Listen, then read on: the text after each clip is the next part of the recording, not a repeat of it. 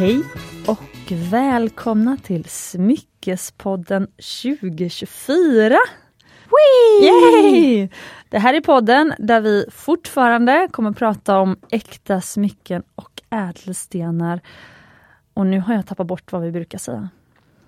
På ett enkelt sätt eh, och eh, Bryta bryta normer. normer. som präglar en annars ganska strikt bransch. Precis! Du har haft för mycket jullov Cecilia. Helt klart! Ja, och blivit lite för kreativ. Är det så? Jag kunde inte ens hålla mig inför ramarna nu då. Nej, okej, Det är rimligt. det som händer när man är ledig. Okej, vi ska ju inte prata om 2024 men det kanske kommer bli ett kreativt år. Det kan vi hoppas på ändå.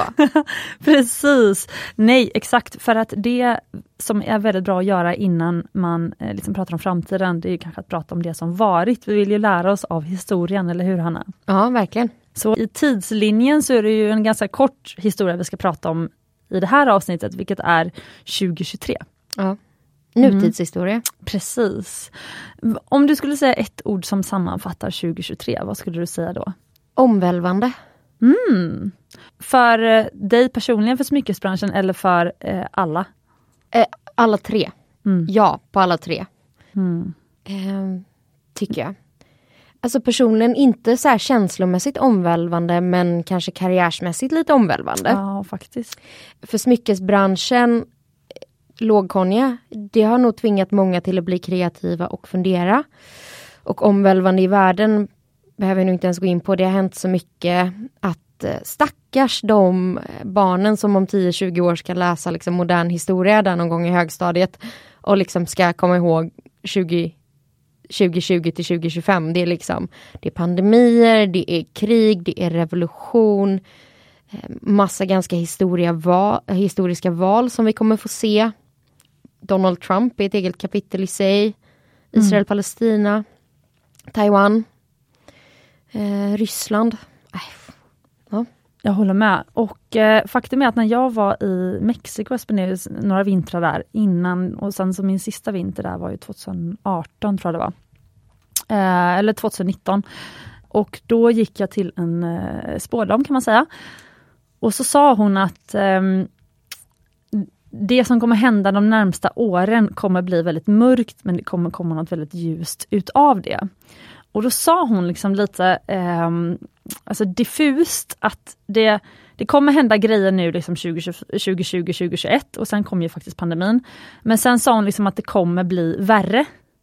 Och det har det ju på många plan blivit Mm. innan det sen kommer bli ljust igen. Ja, för pandemin var ju så här, det var ju, jag ska inte förminska något, men det var ju otroligt tragiskt på många sätt, men det var liksom ingen ondska som skapade den. Och när det väl bröt ut så upplever jag ändå att folk försökte anpassa sig och göra det bästa av situationen. Men nu, det som har hänt de senaste ett och ett halvt åren är ju liksom krig och ondska. Eh, sjuk blir man ju, liksom. Och nu var det nivå två på hur det spreds, men ja. Mm. Äh, usch, jag får rysningar. Men precis innan vi satte på mickarna så sa du faktiskt att det här ska bli ett eh, positivt eh, avsnitt. Ja, Mm. Så att vi kommer ju som, som de fanbärare för äkta smycken som vi är. Äkta smycken för oss är ju ändå lycka, trots allt. Lycka och glädje, även om många smycken också på ett personligt plan, alltså kan, eh, eller för många betyder något som kanske man tänker på en, eh, någon gammal eller någon tidigare släkting som inte finns med oss, eller vän. Alltså det kan ju symbolisera hela livet och döden. mm. Eh, Men på det stora hela så är ju smyckena till för att man ska glädjas och tänka på de här händelserna som har lett fram till just det här smycket. Mm. Så att, håller du med mig om det, att, att smycken, ja, i alla fall för mig då, så är ju smycken symboler som ska skapa glädje. verkligen. Mm. Okej, jag har ju en liten sån här ehm, lista som jag vill följa till introt, eller lista heter det inte, men jag har några grejer jag vill sä- säga nu under introt. Mm. Mm. Och eh, det första jag vill säga till er kära lyssnare, Mm. det är ju gud så roligt med alla era DMs och kommentarer. Vi är ju äntligen tillbaka efter att ha tagit ett uppehåll i två veckor. Och eh, alltså den kärlek som vi fått från er eh, via DMs, både jag och eh, gästerna, som har varit med i podden. Det är ju helt fantastiskt och det gör mig ju så taggad på att fortsätta med Smyckespodden. Jag vill bara säga det.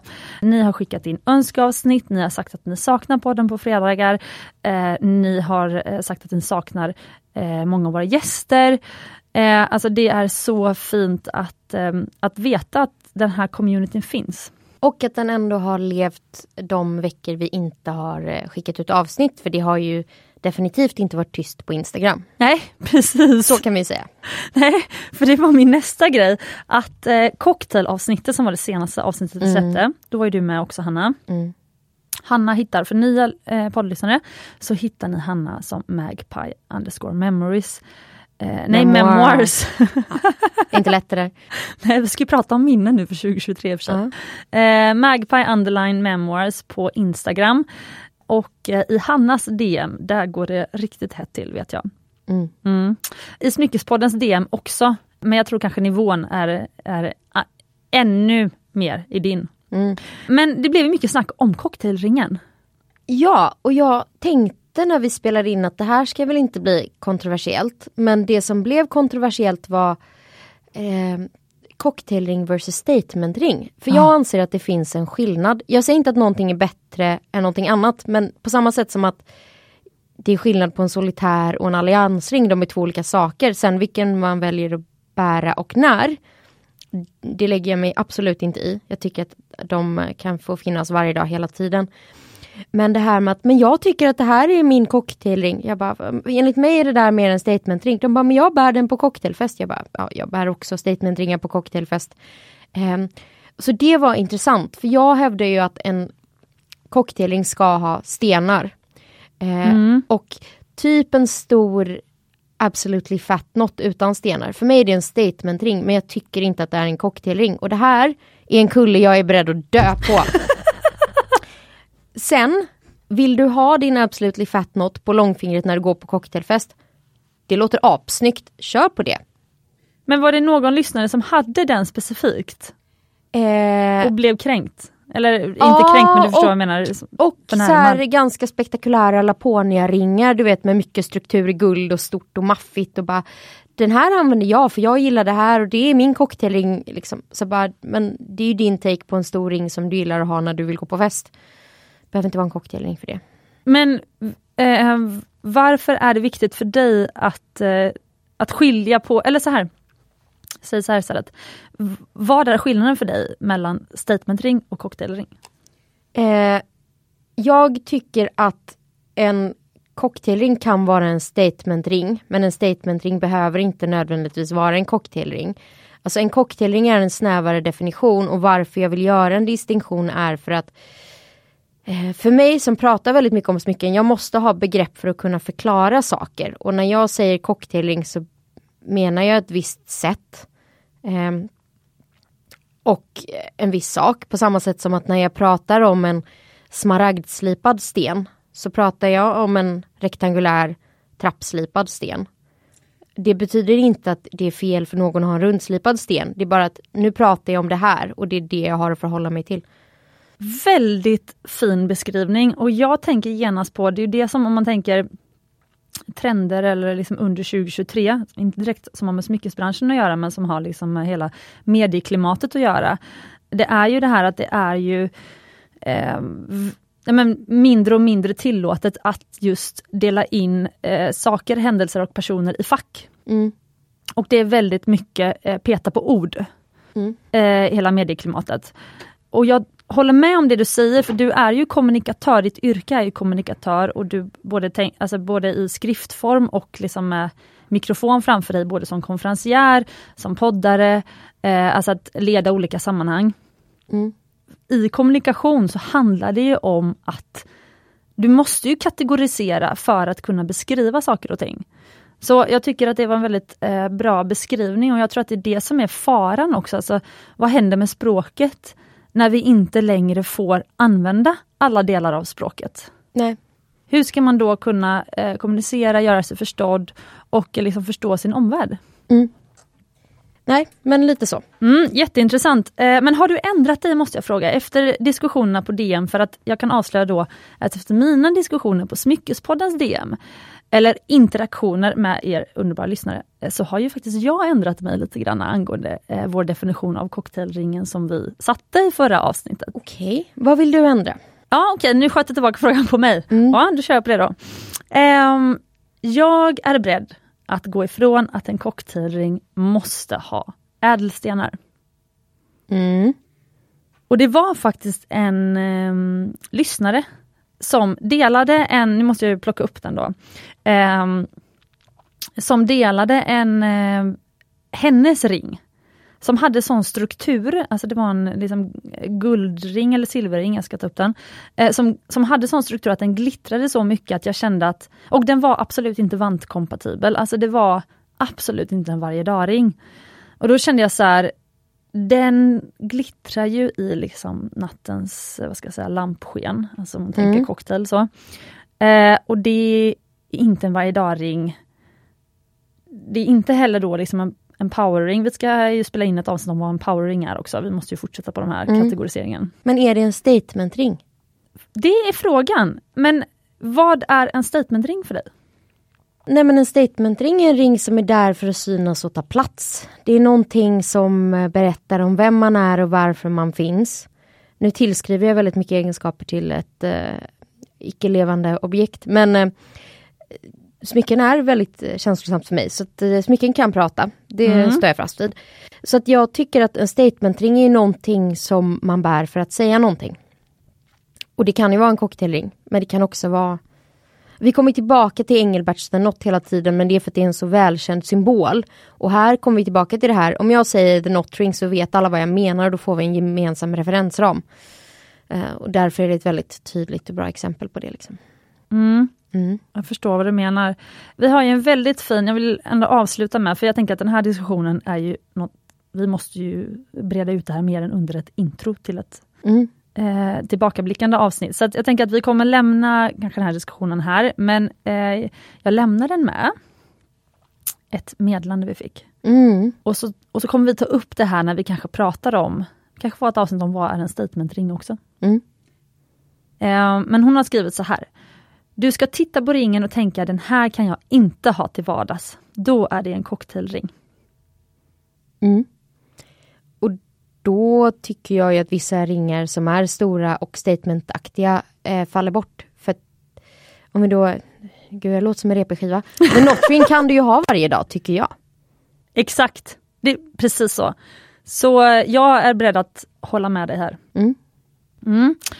Eh, hoppas vi på fortsatt diskussion i DN. Verkligen, det kommer vi säkert få. Eh, men får jag slänga in en kantboll för vi har ju en liten, liten julklappsutdelning kvar. Ja, vad kul! Mm. Och du vet när man var typ så här 9-10 Ja. när vi, och man hade vänskapshalsband.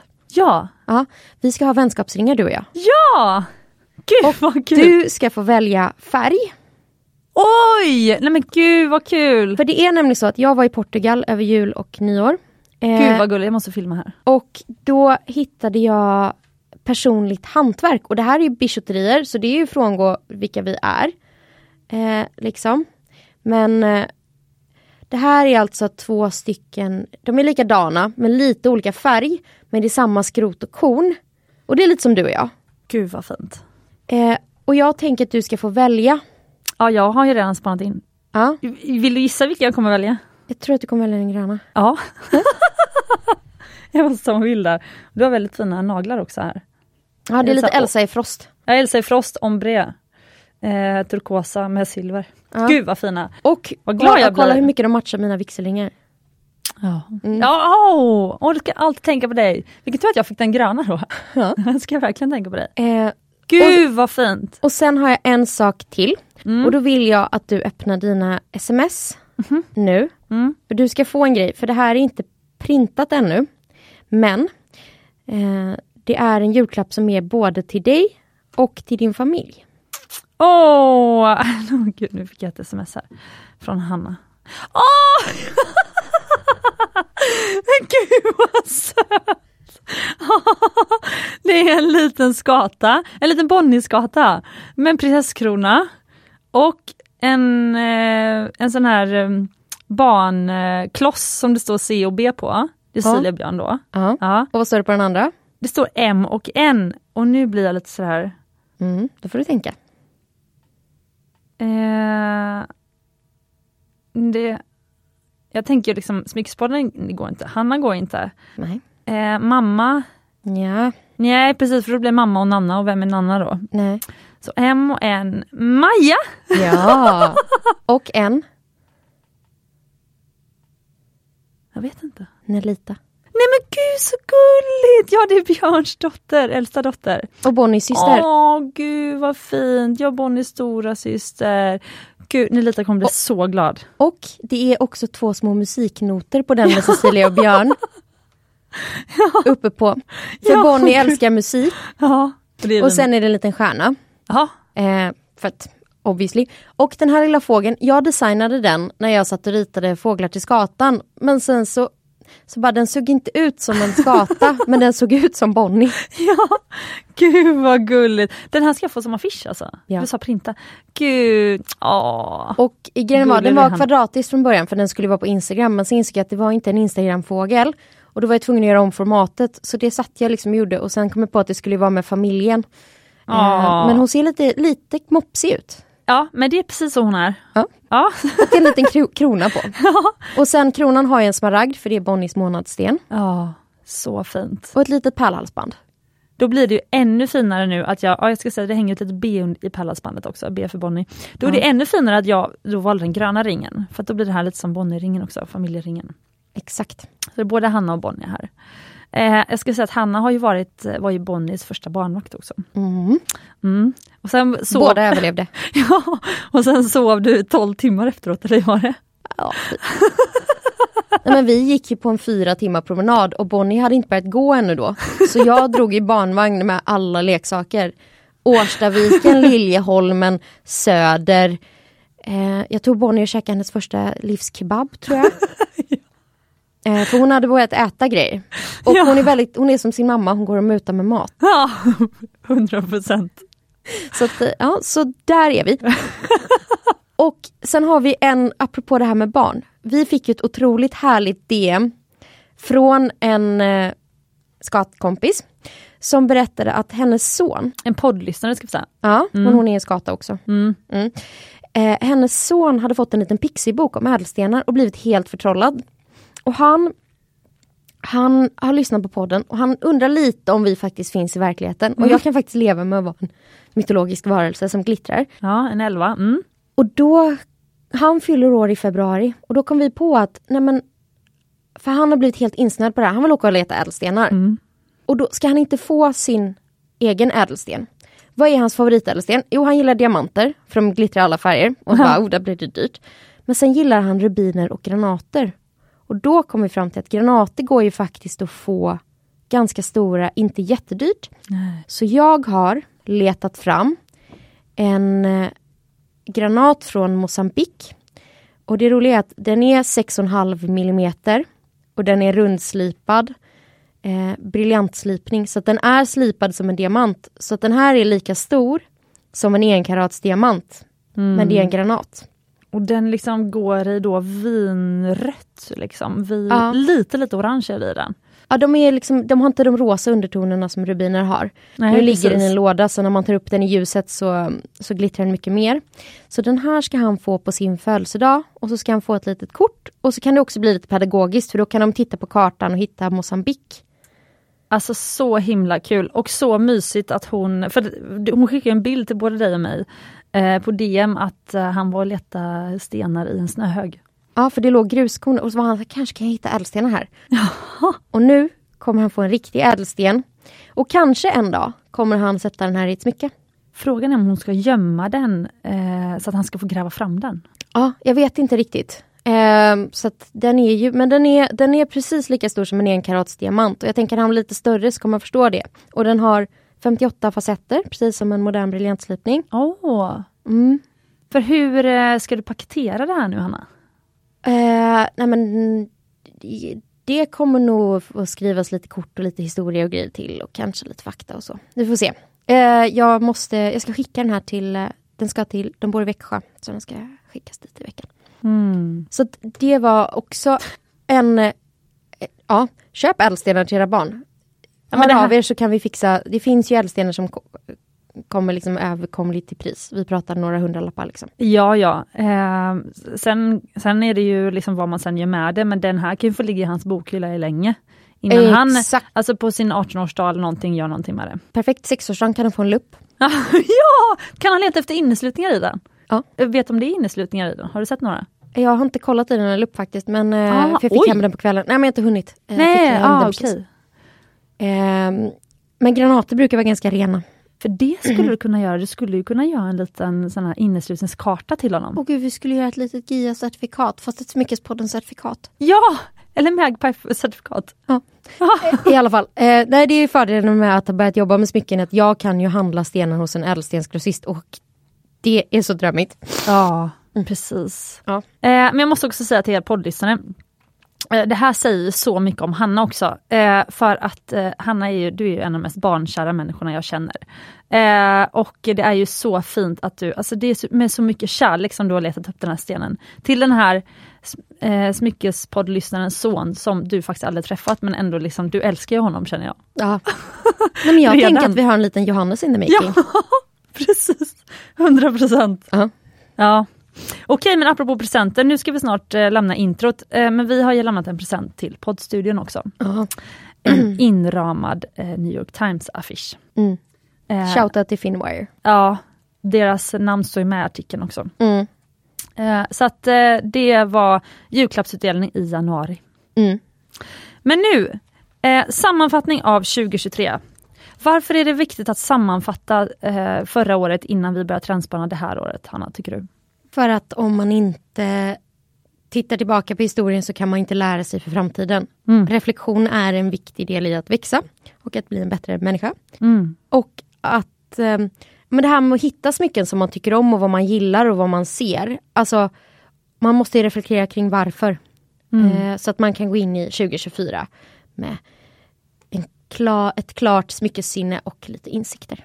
Precis. Mm. Och vi har faktiskt delat upp det så vi kommer både se tillbaka på övergripande i branschen, smyckesbranschen, eh, händelser eller trender som vi tycker är, är liksom har präglat förra året. Eh, och sen kommer vi även eh, ge lite personliga reflektioner vad som har präglat oss Mm. eh, förra året. Eh, så vad säger du, ska vi lämna introt och köra igång? Rulla gingen. Yay!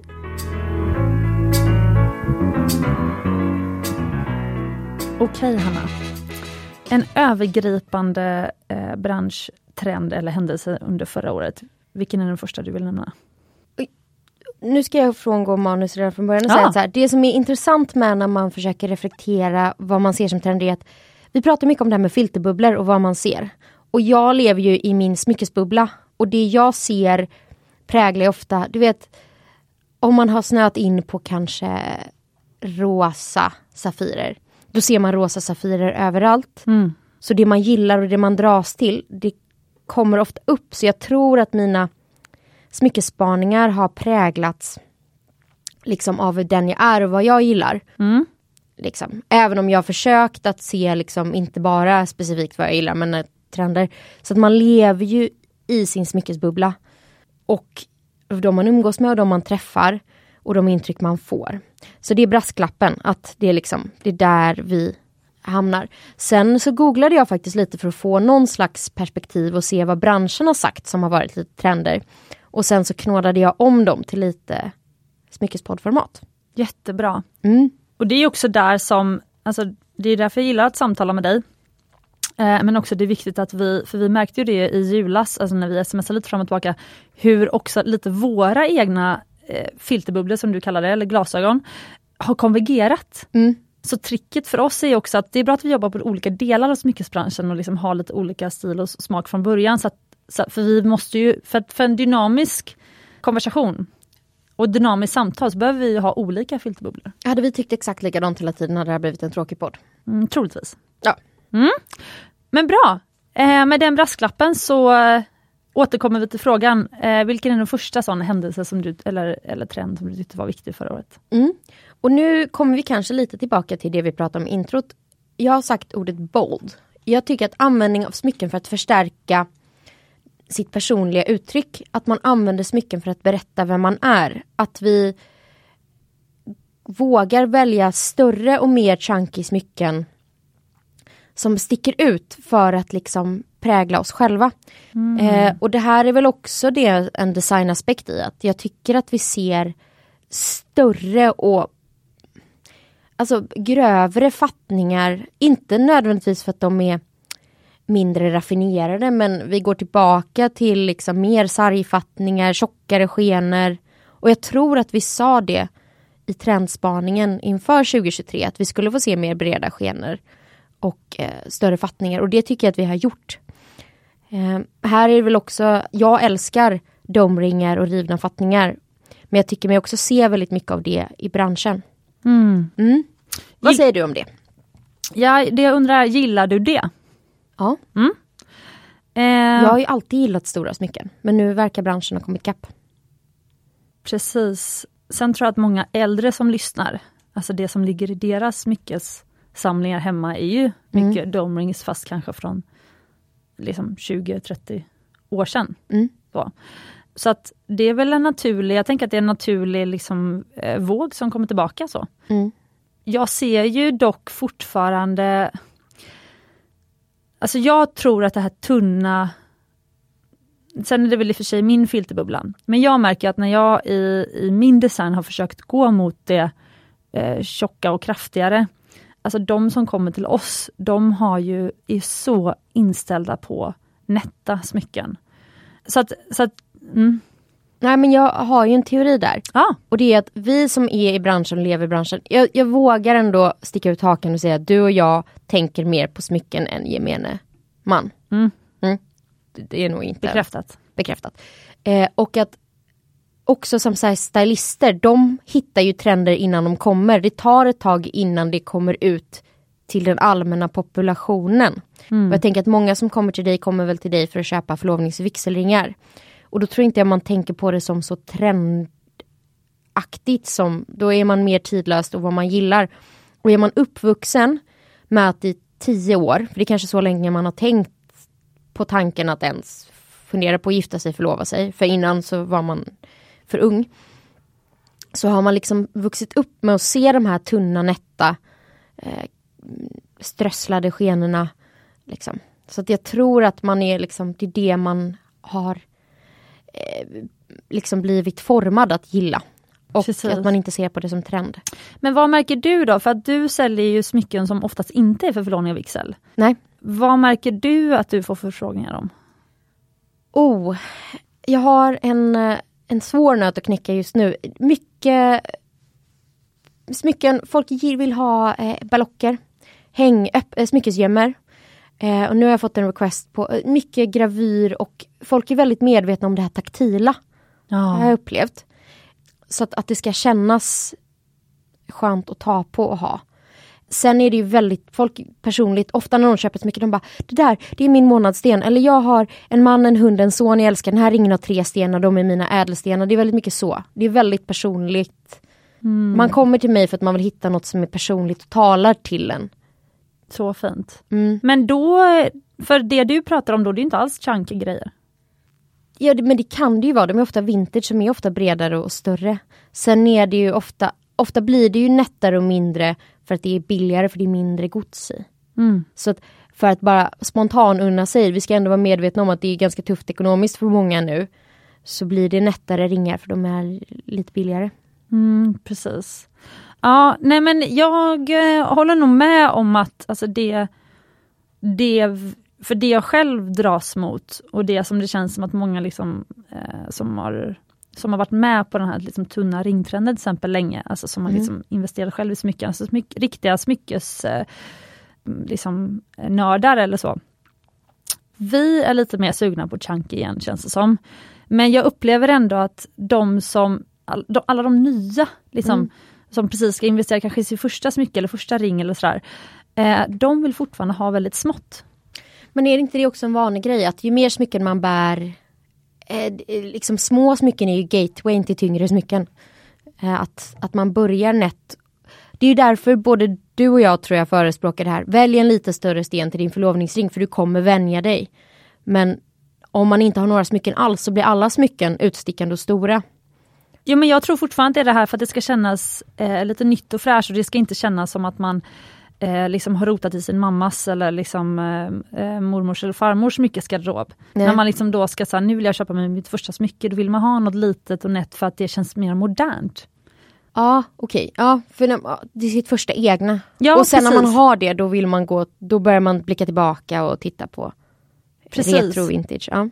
Eh, men så nu kommer vi nästan lite mer in på, på trender här men jag kan då avslöja då att jag inte riktigt tror att liksom 2024 kommer bli året för jättestora smycken eh, heller även om kanske du och jag är mer nyfikna på bredare, bredare och mer chunky så tror jag ändå att så här, nej men det kommer vara litet och nätt fortfarande. Okej. Okay.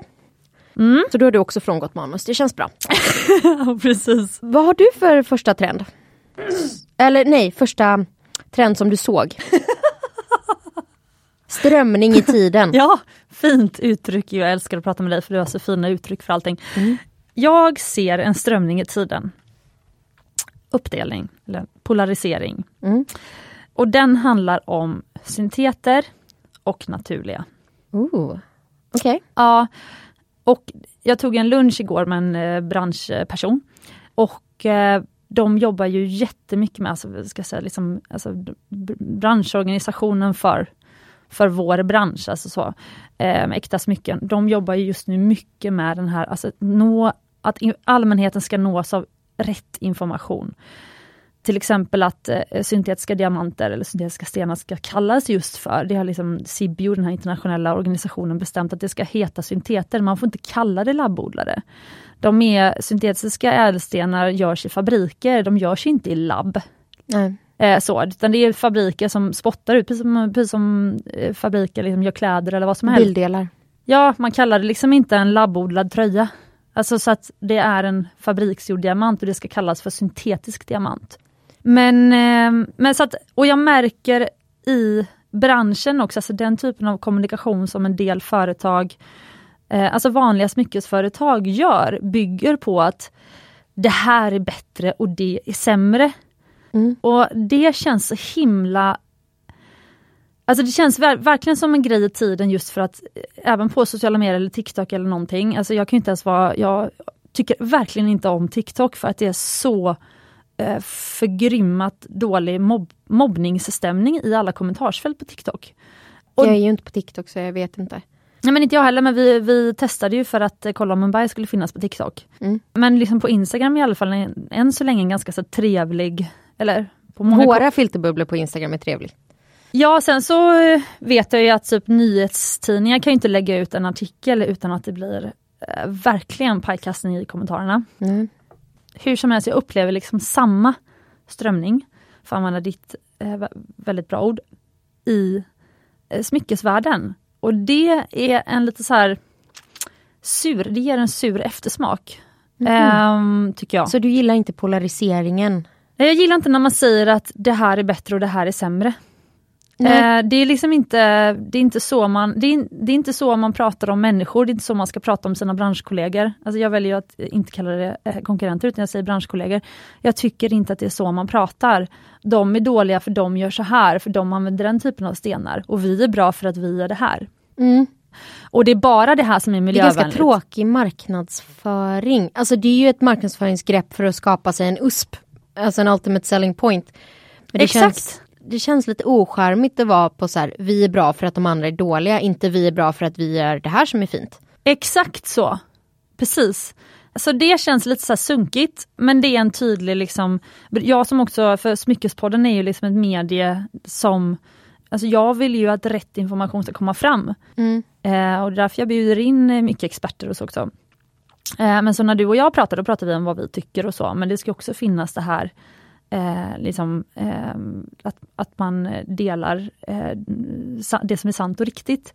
Och det känner jag att ett fortsatt stort behov av. Mm.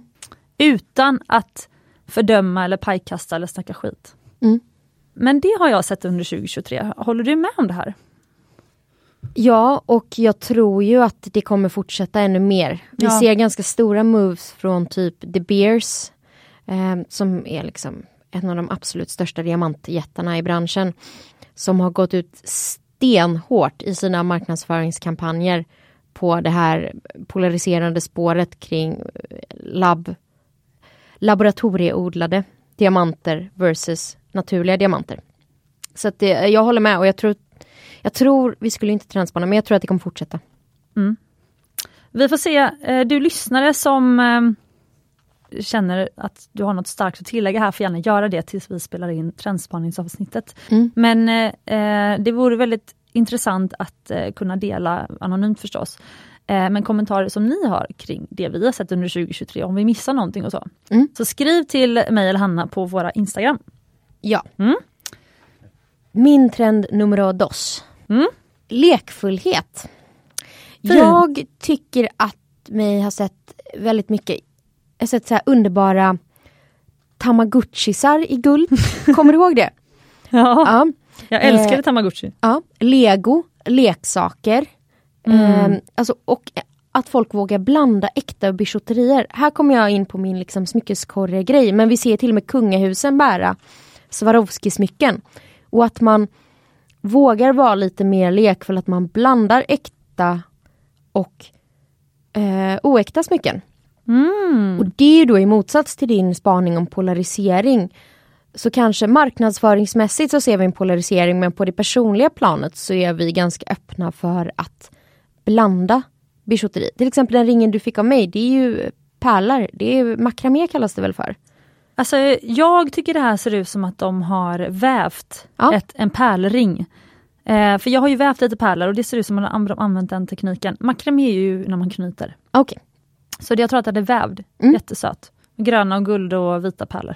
Ja, och nu har du stackat den. Mm. Du tog på den direkt Mm. med dina äkta smycken. Mm. Och att du gör det, det är så här, det finns ingenting som är fel. Eh, och sen att man vågar, och det här tror jag också är en grej för folk som redan har mycket smycken.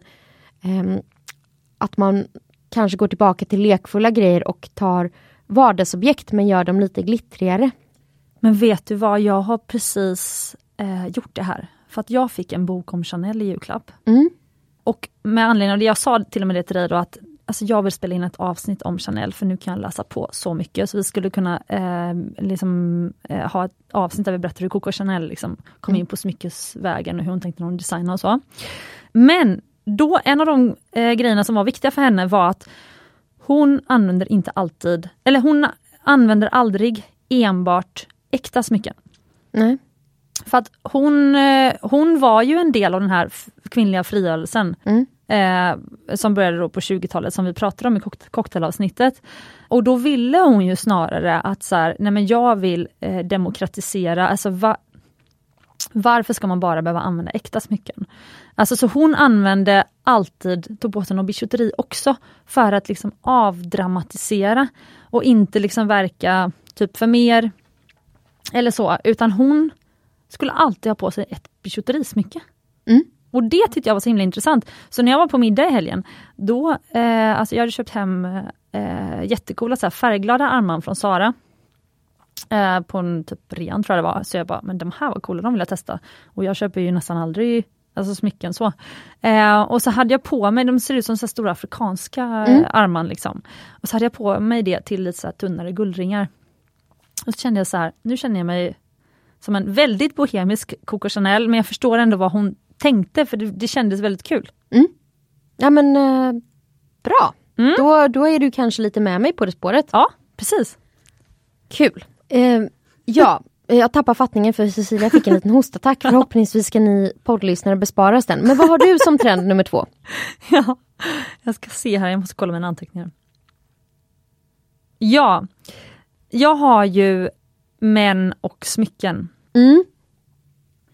Men det här går, alltså det är lite jobbigt det här för att man vet inte vad man har spanat och vad, eller vad som Vad man önskar och vad... Eh, precis. Ja. Eh, men eh, vår revisor som kom nu, det är ju därför också vi inte kunnat spela in avsnitt för att eh, nu är det bokslut och ja, ni vet det. Men då har vi eh, suttit med revisorn eh, som skulle då göra lagerinventering. Är det samma person som jag jobbar med? Nej, nej det är det inte. Okej, det är inte ekonomi... Nej, det här är en revisor. Ah, Okej. Eh, ja. Jag har ingen revisor. Mitt företag är inte så stort att jag behöver ha en revisor. Nej, men snart. Och eh, han hade på sig inga smycken förutom ett pärlhalsband. Alltså ett vitt, eh, liksom med vita pärlor som hans tjej hade gjort till honom. Oh. Eh, och han hade liksom inte ens på sig en klocka eller någonting. Mhm. Och sen slutade det med att eh, vi såklart satt och snackade smycken med honom. Men jag tyckte att det här var så himla kul, alltså för mig så är... Alltså, och jag kände liksom att... I och för sig, där finns också då en polarisering mellan det unga klientelet och det äldre, för att du och jag hade till och med skrivit upp som en sån här framtida poddavsnitt, apropå ett samtal du hade haft med några andra killar. Mm. Så här, är killar förpassade till att bara bära klackringar och klockor Mm. som smycken? Och då kände jag så här, den här killen, alltså han kommer ju inte ens kunna känna igen sig alltså för honom är ett herrsmycke uppenbarligen då ett pärlhalsband. Klackring var inte ens på hans liksom, karta. Nej. Eh, Hur gammal är han? han var ju typ 23 eller något. Okej. 24. Ja. Mm. Men Så typ tio år yngre än vad vi är. exakt. Mm. Och då kände jag så här, det har skett ett skifte. Eller så är snarare, kanske pärlhalsbandet för de här unga killarna kanske är som de här tribal-ringarna som typ Björn hade när han var 15. Fast snyggare. tumringarna. Mm. Jo men att så här, det finns en helt annan smyckeskultur. Liksom mellan, vad ska jag säga, tonåren till man är 25. Mm. Och sen finns det en, en smyckeskultur som är liksom för oss äldre. Mm. Vad tror du om det? Nej men det tror jag är rimligt och det här vi ser ju det i mode också det här du vet 90-tals med de här små solglasögonen och sånt som var superpoppis på MTV när vi var gick i högstadiet typ. Jag tål det inte men alla influencertjejer rockade som fan. Och de är ju typ tio år yngre än vad jag är. För Precis. de levde inte den första gången och jag tror att det är, det är så långa cykler att man man får nästan tänka på det på generationsbasis liksom. Ja, precis så. Nej men så att det här med att mm, killsmycken, alltså jag behöver omforma hela min idé av vad, vad en, vanlig kille som inte är så smyckesintresserad faktiskt är beredd att bära för smycken. Och den, Så din spaning är att du har haft, gått runt hela 2023 och haft fel? men- ja men typ så, och varit en mossig, mossig gammal tant typ. Oj. Ja, det är en uh, reality check som heter duga. Ja men väldigt roligt för plötsligt, alltså jag har blivit så taggad. Jag har flera bilder av killsmycken jag vill designa nu. Och då har jag för att eh, Helena och Fanny, mina två kollegor, eh, de har ju varsin pojkvän och jag har en kille. Och de tre representerar tre väldigt Och varsin hund. Ja, ja precis. De tre, representerar, de tre männen representerar tre väldigt olika män. Ja. Så jag föreslår det för dem nu. Jag bara, är det okej att jag använder era män som musa? Och min man också. Och så har vi liksom då, då kan jag liksom ha en Edvin, en Johan och en Björn. Mm. Liksom som en kollektion. Så här, den här kollektionen är smycken som passar Björn. Så länge Det det blir en Maggie-kollektion så är jag nöjd. Bonnie och Maggie har ju föreslagit det för Hanna nu att eh, det blir en barnkollektion. Mm. Bonnie och Maggie. Jag tycker att om du får en dotter ska hon heta Maggie. Med en av mina barndomskompisar fick ju en dotter i november som döptes till Margret. Nej! Så jag tror att hon kommer kallas för Maggan. Men jag funderar på om jag kan lobba in. Jag hade en tanke om att få en eventuellt en dotter så skulle hon heta Ingrid Kristina i mellannamn efter mamma och eh, Jimmys mamma. Det låter kungligt. Ja, men jag funderar på om det kanske blir Maggie i mellannamn. Åh, men, Mm. Men varf, vad har du emot Maggie som första namn Hanna? För att det är redan taget. Det är Ja. samma som en gemensam vän till oss tog ju namnet Lova som jag älskar. till sin dotter nu. Lova hade passat eh, väldigt bra också. Mm. Men jag har ett namn som jag inte kan säga för då får ingen annan få ta det nu. Lite så, men däremot tycker jag inte att du ska strunta. Jag tycker att du ska strunta i det. Ja. Eh, Alltså att bry dig om att an... Ja, du förstår vad jag menar, att namn är tagna så att säga. mm. Ja men eh, absolut. Sen är Margret eh, är ju inte exakt samma som Maggie heller. Vi får se. Mm. Okej, eh, har du en mer övergripande trend? Jag ser att tiden går här. Ehm, Ja. Mm. Jag har. Jag har det. Och det här, nu går jag in på klockor. För att oh. jag tycker att vi har cementerat den här bilden av mindre klockor.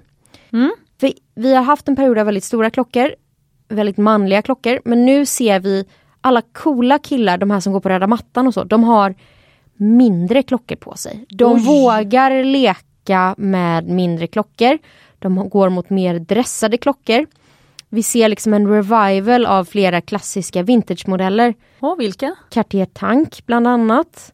Eh, vi ser de här klassiska, du vet farfars morfars klockorna på läderband, runda klockor med Mm. lite mindre med ett läderband som är liksom inte så hypermaskulina i sin form. Och sen är det Cartier. Alltså det har varit Cartiers klockår. De har, utan att då polarisera och säga att någonting annat är dåligt, så har de lyckats med sin marknadsföring på ett sätt och de leker på ett sätt med former på klockor på det man kallar för boetten. Alltså om en klocka är rund så har du en tavla, du har visare och det som sitter runt kallas för boetten. De har lekt med former på den på ett sätt som är liksom nästan smyckesaktigt och Cartier är ju ett juvelhus så det är rimligt. Mm. Så att Cartier, mindre klockor, klockor med ädelstenar, eh, snällare färger. Vi går från det här svart, stål, blått eh, till så här champagne, eh, brunt läder, guld och lite så. Pärlemortavlor, någon liten ädelsten kanske. Det låter som att stå Cecilia på den här nya klocktrenden. Det tror jag. Sen tänk, Mm. ja absolut, 100 procent. Det var lite roligt för att jag träffade din eh, poddkollega kan man säga. Mm. Och eh, mentala bara klockkollega. Mm. Ehm, Sanna. Du har ju träffat henne live nu för första gången också. Mm. Wines me up på Instagram. Mm. Hon lägger ut väldigt fina bilder och, och om man vill liksom spana på lite spännande klockor kan man kolla hennes Instagram. Och hon hade då på sig en väldigt liten klocka, så sa hon att det här är något nytt för mig. Så även hon hade ju då liksom börjat nosa på Ja, och rolig grej, Hanna har på sig en så liten klocka, jag har aldrig sett en så liten klocka. Det är så liten att man nästan inte ser den. Nej jag Nej, skojar. jag, men jag har en ganska stor tröja på mig idag för det är jättekallt. Ja. Och jag typ glömmer bort att jag har den för den väger ingenting för den är så liten. Alltså innan hade jag ju alltid en jättestor klocka som var 52 mm i diameter och det är sjukt stort. När vi pratar stora klockor så pratar vi över 40 mm. Men den här är alltså 28 och det är ett litet damur, den är roséguld och den sitter på liksom ett eh, krokoband. Jag tycker att det är en av de vackraste klockorna du har på dig och jag tycker den är så fin på dig. Mm. Eh, och den ser liksom den ser liksom damig ut fast på ett sätt, ett alldeles lagom sätt för dig. Alltså och uret om man säger, eh, det är, eftersom det är krokoband och det är det här vinröda mörkbruna så ser det lite damigt ut men sen så uret är ändå lite maskulint. Alltså, Den här klockan finns med stålband och den finns i stål också. Och modellen heter Seiko, eller det är en Seiko-klocka och modellen heter Five Sport. Så det är egentligen en sport, det är bara att det här utförandet är lite mer damiga färgval. Så att d- du har helt rätt. Och den är vattentät. Jag, hade inte, jag duschar inte med den för att bandet blir så men själva klockan i sig, urtavlan och så är inte hyperdamig. Men eh, jag håller med, det är någonting som är mm, ja, jättefin på dig, verkligen. Och så har den en väldigt fin så här, ljusgrå melerad stickad tröja till som Mm. du lite så här, vikt upp armarna på, jättefint. Ja, för de är för långa. Okej, vi går raskt vidare. Jag har min sista ö, övergripande branschtrend då. Mm. Som blev, liksom, ändå blev markerades väldigt mycket tydligt 2023 och som inte inte går att prata om. Mm. Kan du gissa vad det är? Nej. Lågkonjunkturen. Okej, intressant. Jag har också mm, Ja, jag men har vi mycket kan, att säga om det. Mm. vi kan inte lyssna på det här avsnittet om några år och inte nämna liksom, lågkonjunkturen 2023. Nej. Det, om man säger så här, jag skulle kunna skriva en artikel som handlar om så ser du på bruden att det, var att det är lågkonjunktur. Mm. Alltså det var ju någon produkt jag till och med var så här, sa till Fanny så här, frågan är om vi ska liksom ta bort den från hemsidan nu eller vad vi ska göra. Och så bara, vi har inte sålt en enda av dem under 2023. Och så kollade vi eh, bakåt, eh, Fanny bara, ah, jag ska bara kolla liksom vad den sålt innan så här. Hon bara, ja alltså vi sålde ju si och så här många av den 2022 och si och så här många av den 2021. Jag bara, oj, okej, intressant. Alltså det är så spännande att se liksom över åren hur liksom vågorna går. Och eh, det är tydligt på eh, liksom det eh, konsumenten väljer att handla. Eh, att det är eh, att man håller i pengarna. Mm. Eh, och det var det som jag vill säga kring det. ja, för jag lyckades ju inte för de, de andra första tre trenderna hade var ganska konkreta. Men då hade jag den här sign of the times, eller strömningar i tiden för att ah, använda mitt eget uttryck. Mm. Lågkonjunktur och då skrev jag mer genomtänkta och personliga val. Mm. Och att man väljer att omarbeta gamla smycken och ta tillvara på gamla ädla stenar och man arbetar om dem så att man kan bära dem och så att man liksom inte det är för mycket pengar att bara låta ligga för att man inte ska använda det så då omarbetar man det. Exakt och, så. Och det här personliga val att man kanske inte går på de här stora största diamanterna utan att man då kanske väljer en annan sten och så gör det mer personligt och väljer mer på det sättet än det som är jättedyrt och snarare lägger krut på att få det personligt. Precis. Precis så. Så det var liksom min strömning i tiden för 2023. Ja. Och jag tror att det kommer fortsätta under 2024 också. Ja, verkligen. Just det här personliga tycker jag om. Sen tycker jag att det är tråkigt med lågkonjunktur, men det var det. Liksom.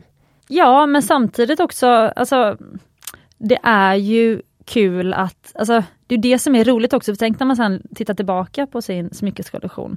Då kommer det bli också tydligt liksom vilket år man köpte vad. Och du som är duktig på andrahandssmycken och vintersmycken också.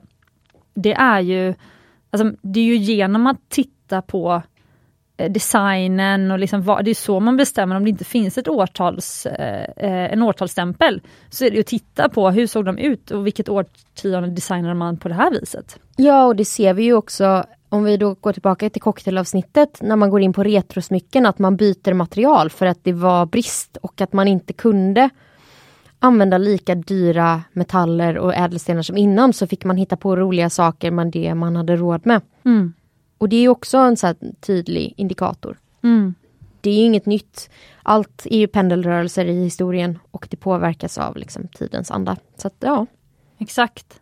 Men det som också är roligt är ju till exempel att, för det jag har sett är att våra örhängen till exempel har nu, alltså vi har aldrig haft en så stor andel av vår försäljning som är örhängen. Nej. Då kan man fundera på, åh är det så för att vi plötsligt gör så fina örhängen?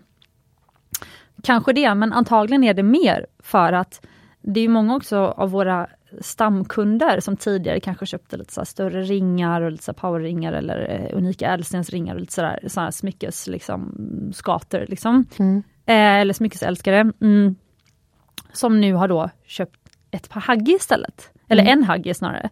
Och en haggi är den här lilla, lilla hoopen som ska krama om en örsnibb som man aldrig tar av sig. Jag tappade min haggi häromdagen, jag vet inte var den är. Åh gud vad sorgligt. Ja, fruktansvärt. Okej, vi får prata om det off mic sen. Mm. Ja, vi får reda ut det här. Men eh, den, ja, min tolkning är i alla fall att eh, den har ett betydligt, alltså de här små örhängena får man till liksom en den summan som man kanske annars måste tredubbla för att få den ringen man vill ha. Mm. Men då kanske man istället passar på att, okej okay, men jag har ju ändå velat ha ett par örhängen längre, länge, nu slår jag till på det istället. Mm. Alltså så att man så här, ser lite kreativt och liksom, vad kan man då liksom göra istället som känns kul. Mm. Mm. Så är 2024 örhängets år? Earstackens år? ja men faktiskt. Drakens faktiskt. och earstackens år? Ja, så kan det mycket väl vara. Mm. Okej, men då går vi vidare till eh, våra lite personliga reflektioner som har präglat 2023. Mm. Hur känns det Hanna? Eh, det känns bra. Det känns som att jag kanske inte kommer kunna vara riktigt lika sylvass i min analys här. Men eh, vi, vi, eh, vi rullar. Ja. Vill du börja eller ska jag börja? Jag kan börja om det inte är så att du känner, eh, vad känner du? Ja men du får gärna börja. Ja men då gör jag det. Mm. Personligt plan. Det första jag skrev upp här, det var bara länge sedan, jag, det här var nog i december när vi liksom plan, började prata om det här avsnittet. Då skrev jag upp, jag tog professionell hjälp. Eh, och eh, jag tog professionell hjälp med vår hemsida. Mm. Det vet ju ni som följer Smyckespodden att eh, Jojo Borssén var här eh, från Omni Arch. Eh, och eh, sen efter det så tog jag faktiskt hjälp av dem för vår hemsida. Och jag kände att det och det var, var vågat. Alltså det är läskigt att investera när man också mm. vet att okej, okay, det, går, det, inte, alltså det går inte lika bra nu som det gjort innan, så ska jag liksom våga eller borde jag spara de här pengarna? Men sen någonstans så bara, nej men jag vet ju precis varför det, alltså det grejen är så här, när allting inte går lekande lätt längre, inte för att det bru brukar göra det, men du förstår vad jag menar. Mm. Eh, då kan man inte längre undvika att ta, tag, ta tjuren vid hornen och bara, jag vet ju vad problemet är. Vi har inte förbättrat vår hemsida på så många år. Jag har inte den kompetensen som krävs. Jag är hemsidesansvarig men jag har för låg nivå. Jag måste ta professionell hjälp. Och att liksom acceptera det, våga investera, våga lita på att det här kommer bli bra, det här kommer vara rätt. Det kändes som ett stort steg. Så eh, det gjorde jag 2023 och eh, det har blivit så bra. Alltså mm. nu har jag, vi har en så mycket mer lättarbetad hemsida. Vi har redan ökat vår eh, sån conversion rate. Och nej men jag, Det var så mycket lärdomar. Kanske ett helt eget avsnitt eh, angående hur man eh, säljer så mycket online, höll på att säga. Men det var en personlig reflektion i alla fall. Mm. Att våga ta hjälp. Ja, och jag fortsätter väl lite på samma tema, det här med eh, gasa bromsa temat. Mm. Eh, för vi har pratat mycket om det off mic, att så här, ska vi bara lägga oss ner och dö och bara acceptera att saker är som de är? Och jag har väl liksom landat i ungefär vad jag vill göra och vad jag tycker om. Ingen är förvånad, det är smycken och det är klockor. Så jag har ju faktiskt eh, liksom breddat, eh, tagit ganska stora kliv i att bli mer professionell i min roll som smyckesperson.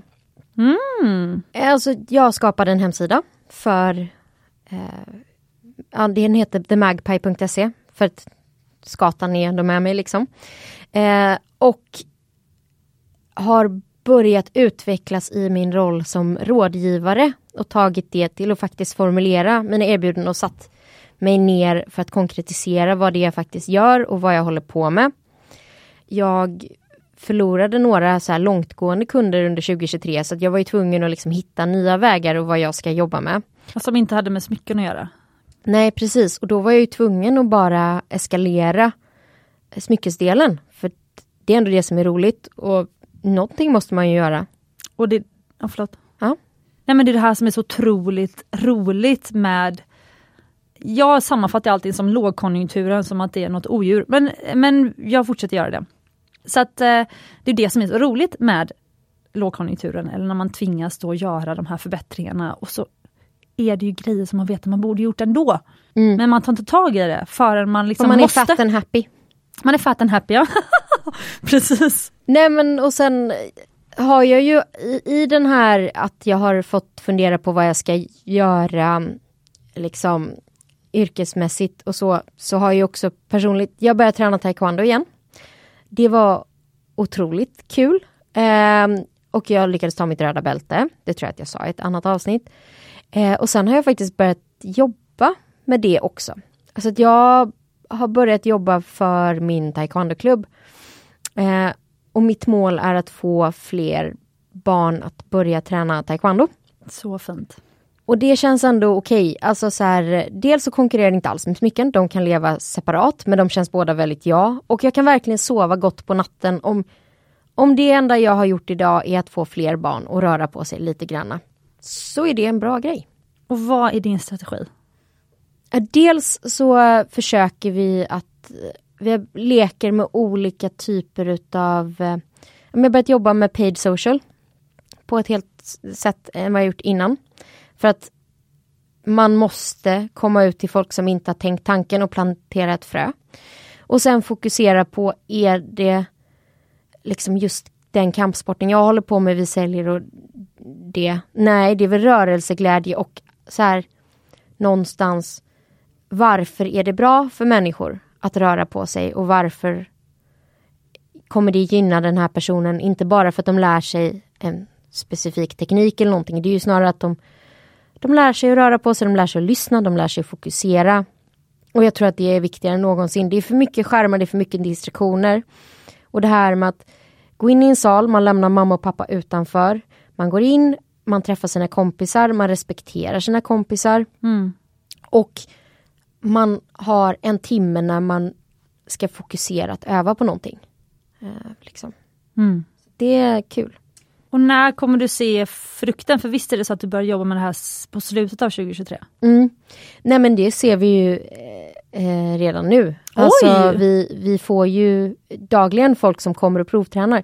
Så det vi gör är också att vi erbjuder folk eh, gratis provträning. Alltså du får komma dit och testa en gång. Och tycker du om det så kan man börja på nybörjarkurs. Så vi har rabatterat inskrivningsavgiften så vi har sänkt tröskeln för att börja. Och Gud, sen är en nybörjarkurs är tre månader. Det är 13 lektioner. Och vi har flera barngrupper så att man anpassar träningen för åldern på barnen där de är. Mm. Alltså för vuxna också men vi blandar ju åldrar. Eh, Jag tränade igår. Eh, Och då var det, jag måste säga att vi var från 28 till 60 i min vuxengrupp liksom. Mm. Och vi hade världens roligaste träning. Det var som hela havet stormar fast för vuxna. Vi gjorde, tränade som att vi vore barn. Vi sprang runt och gjorde hoppsparkar i en timme. Tränaren bara, ja, jag hade tänkt att vi skulle öva på den här tekniken, men ni ser ut att ha så kul så vi bara fortsatte leka. Och den glädjen var ju liksom, jag studsade hem Åh, och fint. var helt lyrisk och berättade för min man att jag har haft den roligaste träningen på länge. Ehm, så att vi försöker sänka tröskeln för att vi förstår att det är att utöva en sport kostar ju pengar. Men sänka tröskeln och försöka visa på att det är ändå någonting värt att investera i. Så någonstans så har du ju nästan bytt från segling till taekwondo nu. Alltså du är bara liksom... Jag har inte bytt- slutat med Nej. det andra heller men eh, Men, eh, men det är spännande det här för att sport, alltså du, du, för mig är ju du väldigt mycket sport. Mm. Och det fina är att det spelar egentligen ingen roll då vilken sport det är, för glädjen i sport finner du i såna här saker och inte exakt vilken sport det är. nej. Precis. Och sen så på ett rent personligt plan, för vi pratar mycket om barnträning nu. Eh, så här, det är otroligt roligt att kunna ha en träningsform där man har ett mål och en utveckling. För både du och jag har ju tävlat på elitnivå. I segling. Ja. Eh, och att göra den typen av resa igen, det tror jag inte man mäktar med i livspusslet. Men jag är så glad att jag hittat en träningsform där jag ändå har ett mål med min träning. För det är väldigt svårt att gå från att ha så strukturerad träning till att inte ha liksom bara gå till gymmet utan att vilja bli bättre på någonting. Alltså så här, det är klart att man vill bli starkare och smalare och snyggare eller vad man nu vill bli. Men det var så himla skönt att gå till att så här, okej, nästa bälte då ska jag klara av de här grejerna. Det klarar jag inte nu, men om jag övar på det så kan jag det och jag får ett väldigt tydligt kvitto på det. Och det var ganska skönt att ha ett ramverk för det i en värld som annars är i flux. Mm. Ehm, så det kan jag ju säga till alla kära skator. Jag vet inte vad ni tycker om att träna men organiserad idrott och att ha en träning och ett, någonting att hänga upp tillvaron och gå till. Och tycker ni att det här med att sparka på saker är kul ehm, så kan ni höra av er till mig i DM för då kan jag prata mer om det. Men bara hitta en träning som kanske är en hobby. Liksom. Precis. Förstår du vad jag menar? Ja, 100 procent. Och det kanske får mig, för jag skulle välja nu i mitt huvud vilken min sista, refle- eller min liksom, sista personliga reflektion var, för sen måste vi börja runda av som vi har varsin till sen. Eller du har redan haft två? Ja, Ja, just det. det tror jag. Men den ena reflektionen är att jag i alla fall börjat åka kommunalt. Och det gjorde jag nu i december. Eh, började jag med det för att eh, jag hade inte vinterdäck på bilen och så vidare. Och så blev det liksom att jag började åka kommunalt. Och nu älskar jag att åka kommunalt. Jag vet. Alltså den Jag här... har sagt det till dig och du var så jävla motvalls. Ja precis, men det är jobbigt att byta rutiner i livet. Mm. Men jag tror ju att människor som åker kommunalt är både lugnare och lyckligare. Nu, nu menar jag inte döma dig som åker bil, alltså jag eh, älskar också att åka bil, men, men nu, för att komma till min poäng nu i alla fall, så Alltså att låta eh, min väg till jobbet vara i någon annans händer, jag kan slappna av, jag kan hålla på med mitt Instagram, eller liksom lägga ut lite extra. Jag blir, alltså Mumbai Stockholms Instagram och även Smyckesbollens Instagram blir mycket roligare för plötsligt har jag liksom tid att sitta liksom och lägga upp sånt som man annars kanske inte hinner. Man hinner tänka, man hinner helst inte prata i telefon för jag tänker att det inte är så trevligt att göra eh, när man åker kommunalt för de andra medpassagerarna. Men, eh, nej men jag, man kan sitta och läsa, nej men det, jag tycker bara att det är eh, underbart. Eh, så det var en grej, men det jag ville komma till var det sociala, alltså livet på landet. Alltså det här året, eh, 2023, har varit ett av de mest sociala år jag haft i hela mitt liv. Mm. Alltså, innan när man bodde i stan så, ah, bo på landet, men vem ska du umgås med? Eller vadå, ska du flytta långt bort från dina vänner och så vidare. För det första, typ du, nära vän. Du kommer ut och sover över. Alltså jag har aldrig haft så socialt liv som efter jag bodde på landet. Men det här är intressant, för grejen är, när man är på stan så är man så stressad för man har planerar in på ett sätt så att man ska till saker hela tiden. Men Exakt. på landet så är det den enda grejen. Och det är ganska befriande. Mina mm, farföräldrar bodde ju så ute på landet. Och folk kom dit så bara, det blir ganska kravlöst men så här, vi kommer ut och hänger men man kan inte ta oss härifrån så då alla får glida, nej, alla får glida runt och göra lite som de vill men man hänger runt i sitt eget lilla ekosystem där ute. Ja det är så underbart! Mm. Eh, och vi har ordnat eh, karaokekvällar jag och Björn. Eh, så vi har haft våra första sådana fester så. Mm. Eh, vi ordnade eh, en annan fest för, för liksom mm, föräldrar med barn eh, där ute. Eh, jag och en annan tjej. Alltså, och nu har jag blivit medbjuden till att, alltså, då är det några föräldrar där ute som har hyrt en gympasal på lördagmorgnar för att barnen ska leka av sig. Apropå det här med liksom att ha en, en aktivitet och liksom bara leka av sig ja. i grupp. Jag har så bra jag har sett, vi har en, en tränare på den taekwondo-klubben jag tränar som är från Turkiet. Han är så oerhört duktig men han är också otroligt rolig på att hitta bra han får barnen att lära sig nya rörelser på ett sätt som är så coolt. Ja. Och de tycker att de är Spiderman. Vilket de älskar.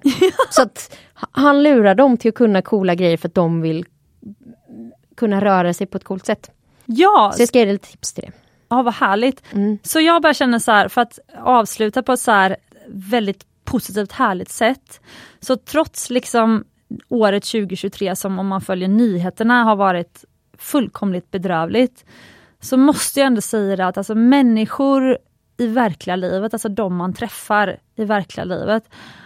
Alltså jag tycker människor är underbara. Mm. Alltså jag har fått så mycket fina sms, så mycket fina nya vänner, så mycket liksom, äh, fina, alltså upprätthållit kontakt med gamla vänner. Alltså det här, jag tycker liksom livet är att socialisera med fina människor och nästan alla människor är sjukt fina. Mm. Det är liksom min lärdom över 2023 och jag är så glad för det. Är det nu vi wrappar upp med att vi ändå går in med 2024 i hopp? Ja, 100 procent. Ja. Vi, vi går ut i dur och sen så säger vi väl det vi alltid säger. Ja precis. Eh, så att eh, fokusera på dina nära och kära och eh, Kära lyssnare, kära skator, kära smyckesvänner. Kära medarbetare. Kära medarbetare. Ni förtjänar äkta smycken och ädla stenar. Mm, alla dagar i veckan.